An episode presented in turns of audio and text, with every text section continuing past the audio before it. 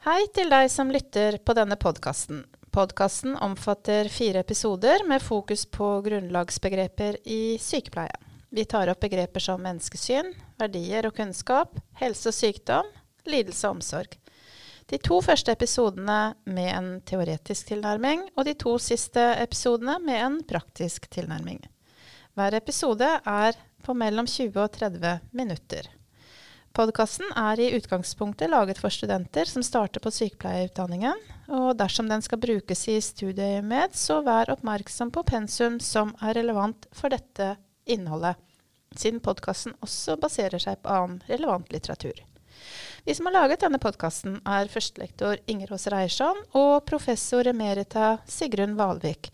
Vi er begge tilknyttet Institutt for sykepleie og helsevitenskap ved Universitetet i Sørøst-Norge.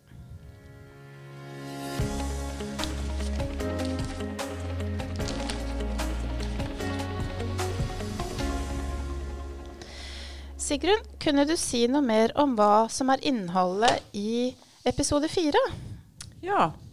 I episode fire diskuterer vi og reflekterer over hva slags rolle teorier om sykepleie spiller i møte med klinisk praksis.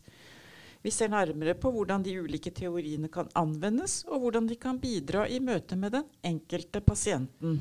Ja, spørsmålet om hva slags rolle teori spiller i praksis, det har jeg sett fram til. Ja, jeg også. Men du, jeg tror det er viktig å avklare noen ting først. For vi snakker jo generelt om at sykepleie skal være kunnskapsbasert.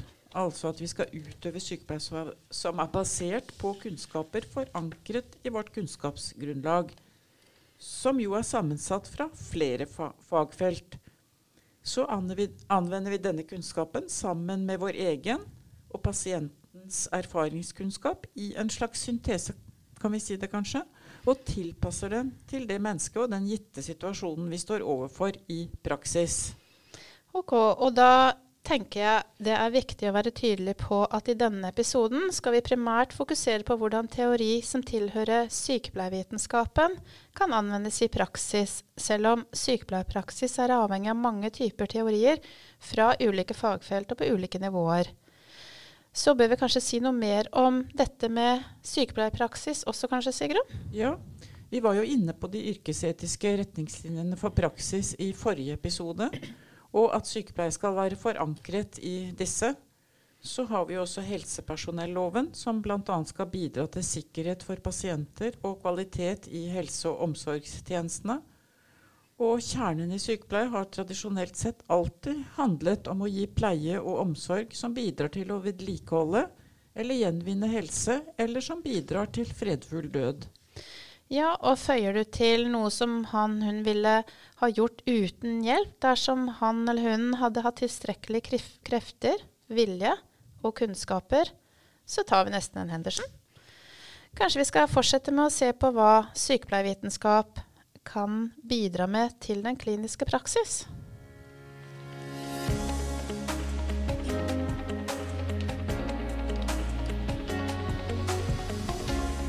Det kan vi gjøre, og samtidig minne om at sykepleiervitenskapen nettopp har en ambisjon om å utvikle kunnskap som er viktig og nødvendig for klinisk praksis, og dermed bidra til å oppfylle både lover og etiske retningslinjer som er pålagt de som utøver sykepleie. Jeg har for øvrig opplevd at sykepleierstudenter tidlig i utdanningen har gitt uttrykk for at både sykepleierhistorie og sykepleierteori virker praksisfjernt. Men jeg håper de som lytter til vår podkast, ikke vil sitte igjen med den samme oppfatningen. Tilbake til teorier som er utviklet innenfor sykepleiervitenskapen. Disse kan ha en generell betydning for praksis, og de kan ha en spesiell betydning for praksis. Så dette må vi snakke litt mer om, Inger Ose. Ja, og da kan vi jo starte med de mer overordnede teoriene, som f.eks. Orem og Travelby, og hva slags generell betydning disse kan ha. Uh, alle disse teoriene har et sett hovedbegreper, eller et teoretisk rammeverk som legger føringer for hvilke områder eller forhold som er betydningsfulle i sykepleierpraksis. De beskriver hva som er karakteristisk for disse områdene, og hvordan sykepleiere bør handle eller gjøre vurderinger i forhold til disse. Ja, Så det gir med andre ord sykepleieren felles forståelse for hva som karakteriserer sykepleierpraksis, og en felles forståelse for hva som er sentrale begreper, og hvordan de kan forstås. Så det gir kort sagt generelle sykepleierperspektiver på klinisk praksis. Ja, Dette gir mening når en tenker på de klassiske sykepleierteoriene som vi snakket om i en tidligere episode. Men eh, hvordan tenker du, Sigrun, på Martinsens teori? Eh, hvordan den føyer seg inn i denne sammenhengen? Ja, hennes omsorgsteori er vel eh, først og fremst en filosofisk teori, tenker jeg, selv om den også legger føringer for hva omsorgen i praksis bør innebære gjennom de tre omsorgsaspektene som hun framhever. Ja, og en annen betydning den kan ha for praksis, er at den faktisk gir viktige innspill til å reflektere over hva sykepleierpraksis er, og hva slags tenkning den skal ta utgangspunkt i. Det er kanskje noe som mange vil tenke ikke er mulig i en hektisk sykepleierhverdag, men jeg mener likevel det er viktig at en finner rom for denne type diskusjoner. Ja, Det er jeg veldig enig i. Og det er jo som regel sånn at enhver avdeling utarbeider et verdigrunnlag som kan gjøres til gjenstand for refleksjon eller evaluering. Og her kan jo f.eks. Kari Martinsens teori være fruktbar når en skal diskutere hvilke verdier sykepleierutøvelsen skal være tuftet på.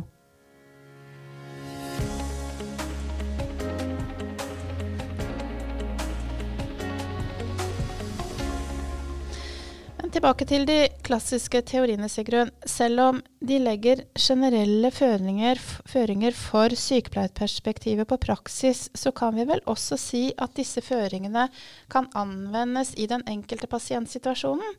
Uh, jeg kunne tenke meg at vi så litt nærmere på Orems teori for å gi et eksempel på hvilke føringer denne kan legge i møte med pasienten.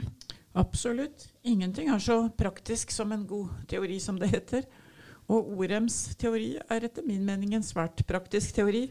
Ja, Hvorfor tenker du at den er spesielt praktisk? Den er så logisk bygget opp med de tre delteoriene der den først har fokus på egenomsorg og så den andre som har fokus på pasientens egenomsorgssvikt og behov for sykepleie. Og den tredje teorien om sykepleiersystemene, som fokuserer på sykepleierens ansvar, rolle og handlinger. Ja, La oss snakke litt om den første delteorien.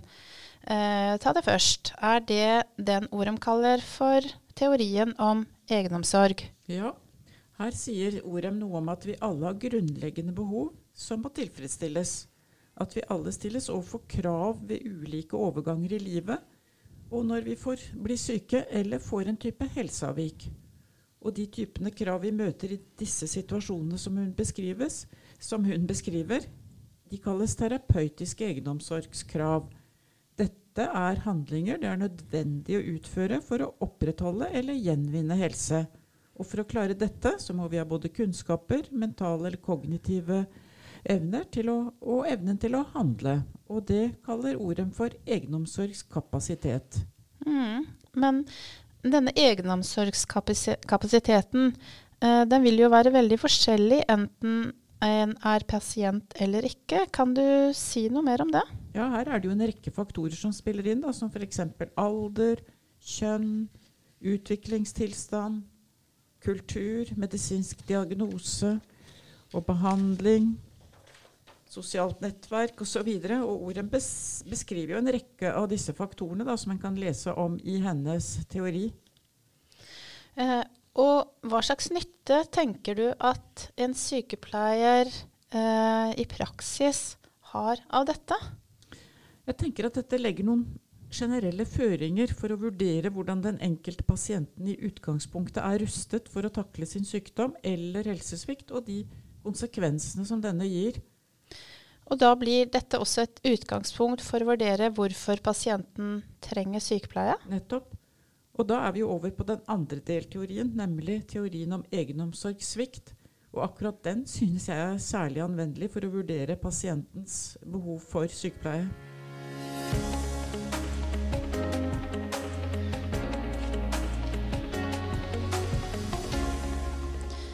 Sigrun, når du nevnte at teorien om egenomsorgssvikt er særlig anvendelig for å vurdere pasientens behov for sykepleie, hva tenkte du spesielt på da? Jeg tenker på måten som ordet beskriver betydningen av å vurdere hva slags evner og begrensninger pasienten har når det gjelder å utføre de handlingene som er nødvendige da, i den situasjonen han befinner seg det som hun kaller for egenomsorgskapasitet. Er ikke denne vurderingen av pasienten noe vi alltid foretar oss? Jo, det bør det jo være. Men jeg syns akkurat det at ordet retter oppmerksomheten mot at egenomsorgskapasiteten handler både om å vurdere kognitive ressurser som evne, vilje, kunnskap og motivasjon til å klare å utføre handlinger, og også de fysiske ressursene til å utføre handlingene, det syns jeg er kjempeviktig. Og så må han også vurdere om pasientens tilstand da, eller situasjon faktisk er sånn at han skal utføre den eh, handlingen se, eh, selv om han kan. Så pasienten skal altså ikke alltid utføre det han kan? Nei, og akkurat det skal vi jo komme tilbake til. Men la meg først si at det er viktig å være bevisst på at selv om vi anvender en teori som et redskap til å tenke med, så må vi jo alltid gjøre våre egne vurderinger i forlengelsen av dette. Teorien legger jo føringer for hvordan vi kan vurdere en kompleks virkelighet eller situasjon. Men den er aldri utfyllende i forhold til det enkelte mennesket og den enkelte situasjonen vi står overfor. Ja, det er viktig. Uh, sykepleiere må altså kartlegge hva slags totale ressurser pasienten har, og videre vurdere hvordan disse skal brukes i forhold til de spesielle utfordringer som sykdom eller helsesvikt gir når det gjelder ulike krav i situasjonen. Jeg forstår at dette er nødvendig for å iverksette riktig tiltak. En pasient kan f.eks. ha kunnskaper av betydning for å gå ned i vekt, men ikke være motivert. Og da er det dette med motivasjon vi må gripe tak i. Ja, kjempeviktig. For gjennom å kartlegge pasientens egenomsorgskapasitet, så kommer vi fram til type og grad av egenomsorgssvikt og behov for sykepleie. Og da er vi over på den tredje delteorien, altså teorien om sykepleiersystemene. Og den sier noe om hva slags kapasitet sykepleieren bør være i besittelse av, som f.eks. kunnskaper, holdninger, tekniske ferdigheter osv. Og, og dette beskriver også Orem inngående i sin teori.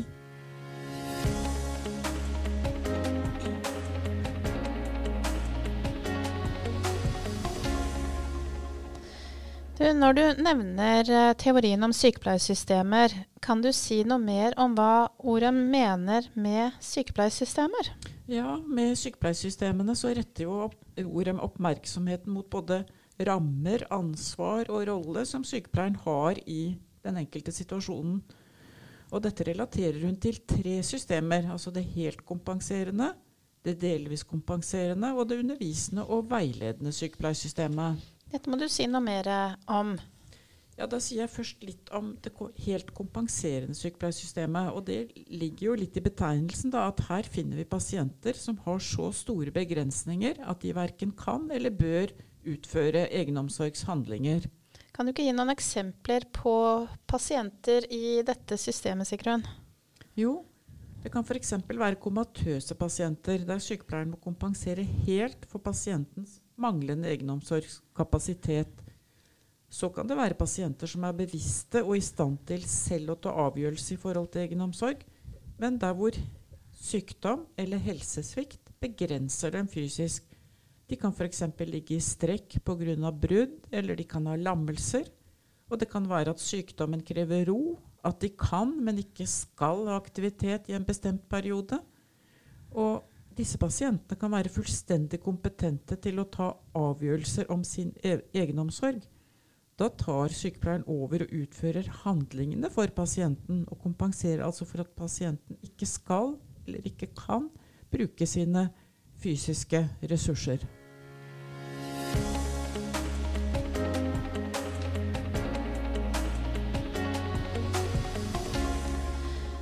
kan det også være at en pasient som har redusert fysisk kapasitet, bør spare seg når det gjelder fysisk aktivitet? Ja, Det er et kjempeviktig spørsmål, Inger Åse. Så tenk deg da at du er sykepleier i hjemmetjenesten og har en pasient med kols.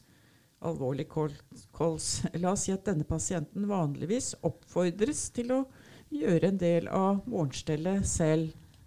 Men i dag så skal han til en undersøkelse på sykehuset. Så hvordan ville du da vurdere pasientens behov for sykepleie denne dagen? Da ville jeg jo vurdert eh, pasientens situasjon i dag og sett om jeg skulle overtatt mye i morgenstellet, slik at pasienten kunne spare kreftene til det som skulle foregå senere eh, på dagen. Ja, og det er jo slike vurderinger som det er så viktig å gjøre. Orep har jo blitt beskyldt for å ha en teori som legger føringer for at pasienten skal gjøre alt han kan, uansett hvilken situasjon han befinner seg i.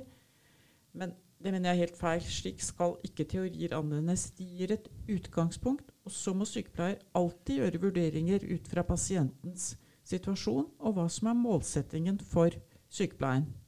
Har du flere eksempler på pasienter i dette helt kompenserende systemet? Ja, det kan f.eks. være pasienter med mentale eller kognitive begrensninger som gjør at sykepleier må ta over. Ja, F.eks. så har vi pasienter som har kommet så langt i utviklingen av sin demenslidelse at det er helt nødvendig. Og disse pasientene trenger nødvendigvis ikke ha fysiske begrensninger, eller de kan ha få, fysiske begrensninger. Og da er det selvsagt viktig at sykepleier ikke automatisk tar over alle handlinger, fordi det er kjempeviktig å ivareta de ressursene pasienten faktisk har. Så når det gjelder det helt kompenserende systemet, så kan vi konkludere med at her tar sykepleieren helt over begge fasene, eller én av dem. Men hva med de som har begrenset egenomsorgskapasitet, men som likevel kan gjøre en del selv?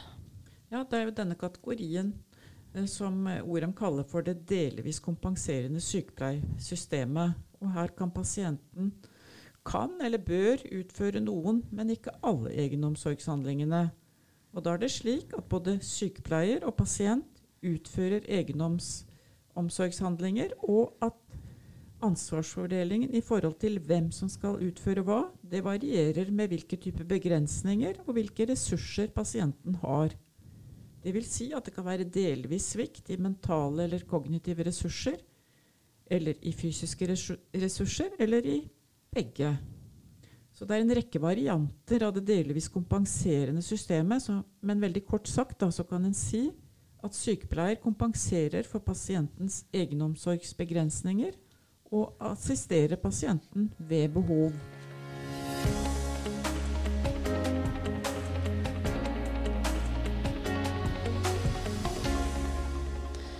Kan det være vanskelig å vurdere eh, hvilket av systemene pasienten tilhører? Ja, det kan være glidende overganger mellom systemene.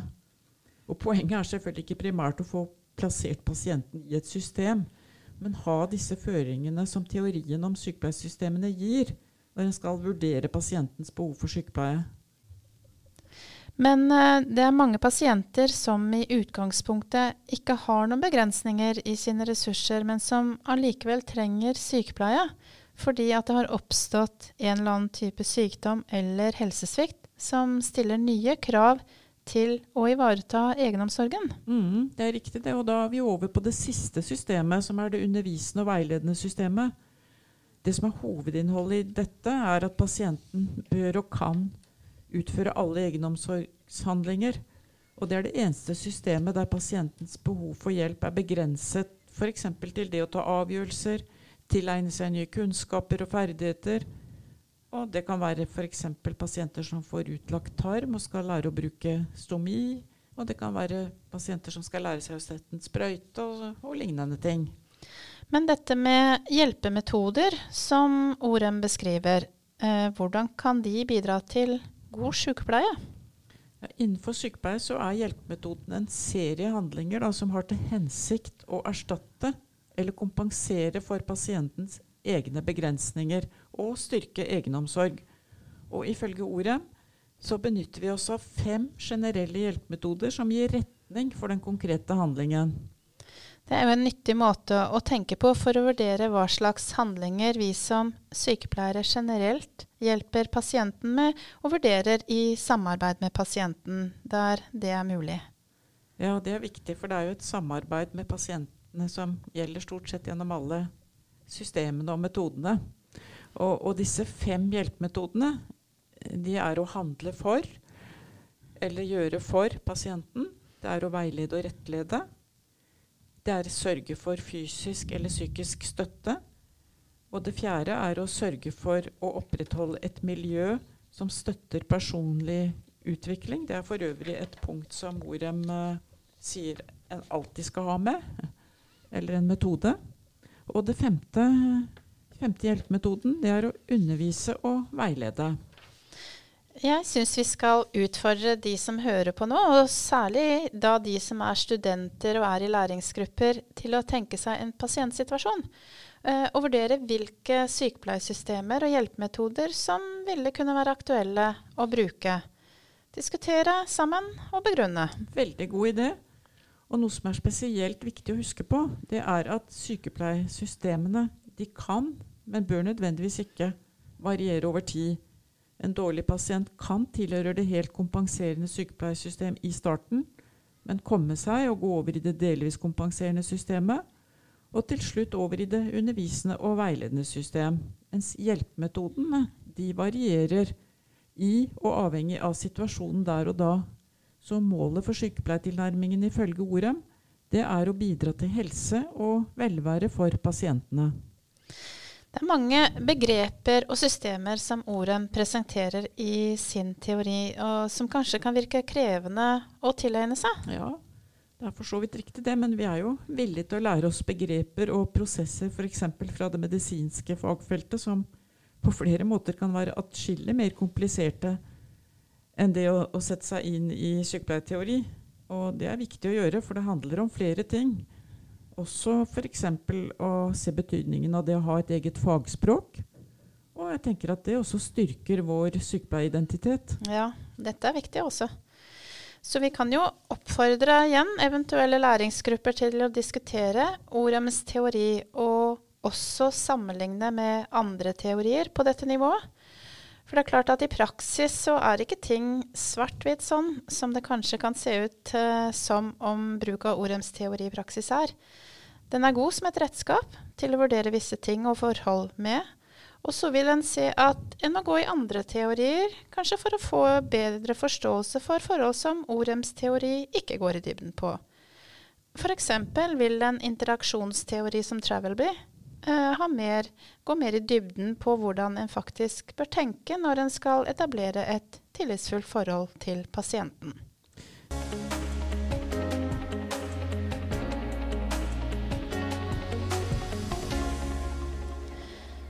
Men nå må vi over til teorier på et lavere nivå.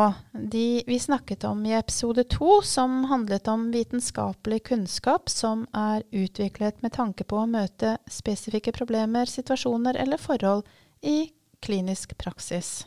Ja, dette er forskning som foregår innenfor alle områder som har med helse og helsetjenester å gjøre. Og da avgrenset til sykepleierspesifikke fenomener som pasient, pårørende, sykepleie, sykepleier og på fenomener i kontekst i denne sammenhengen. Så dette er forskning som har til hensikt å gi økt forståelse for en problemstilling eller et fenomen. Og forskningen er både av kvalitativ og kvantitativ karakter.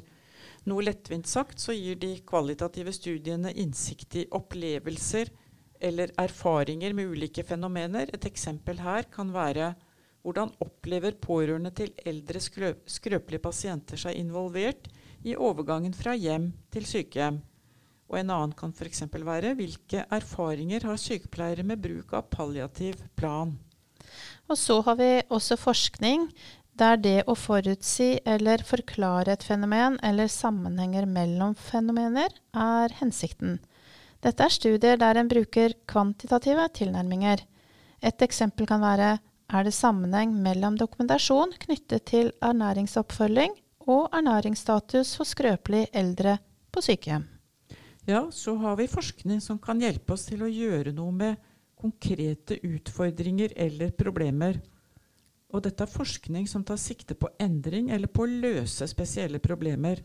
Og det kan være forskning som har til hensikt å teste ut eller utvikle spesielle kliniske intervensjoner, f.eks. Undersøke om en spesiell intervensjon reduserer postoperativ smerte og ubehag, eller om endring i en spesiell prosedyre for å forebygge dekubitus reduserer forekomst av dekubitus på en sykehjemsavdeling. Så utgangspunktet er altså et klarlagt klinisk problem som en søker å finne en mest mulig effektiv løsning på. Nå kommer vi mer og mer inn på ulike typer forskning som krever en del kunnskap som eh, vi ikke har snakket om her. Dette kan bli utfordrende både for oss og de som hører på. Derfor er det viktig å understreke at i alt det vi har snakket om, og kanskje særlig denne siste type forskning og bruk av den, krever innsikt og kunnskap som det er viktig å tilegne seg. Ja, det var det godt at du sa, for det er et kjempeviktig innspill. Uh, for det er en del spørsmål en må stille seg ved bruk av forskningsbasert kunnskap. F.eks. dersom en finner tilstrekkelige studier som viser at en spesiell intervensjon reduserer postoperativ smerte og kvalme, så må en se hva slags pasienter og forsøkssituasjon studiene er basert på. Hvilke målgruppe, alder, diagnose og eventuelt andre forhold som gjør at intervensjonen kan eller ikke kan gjennomføres slik som den er beskrevet.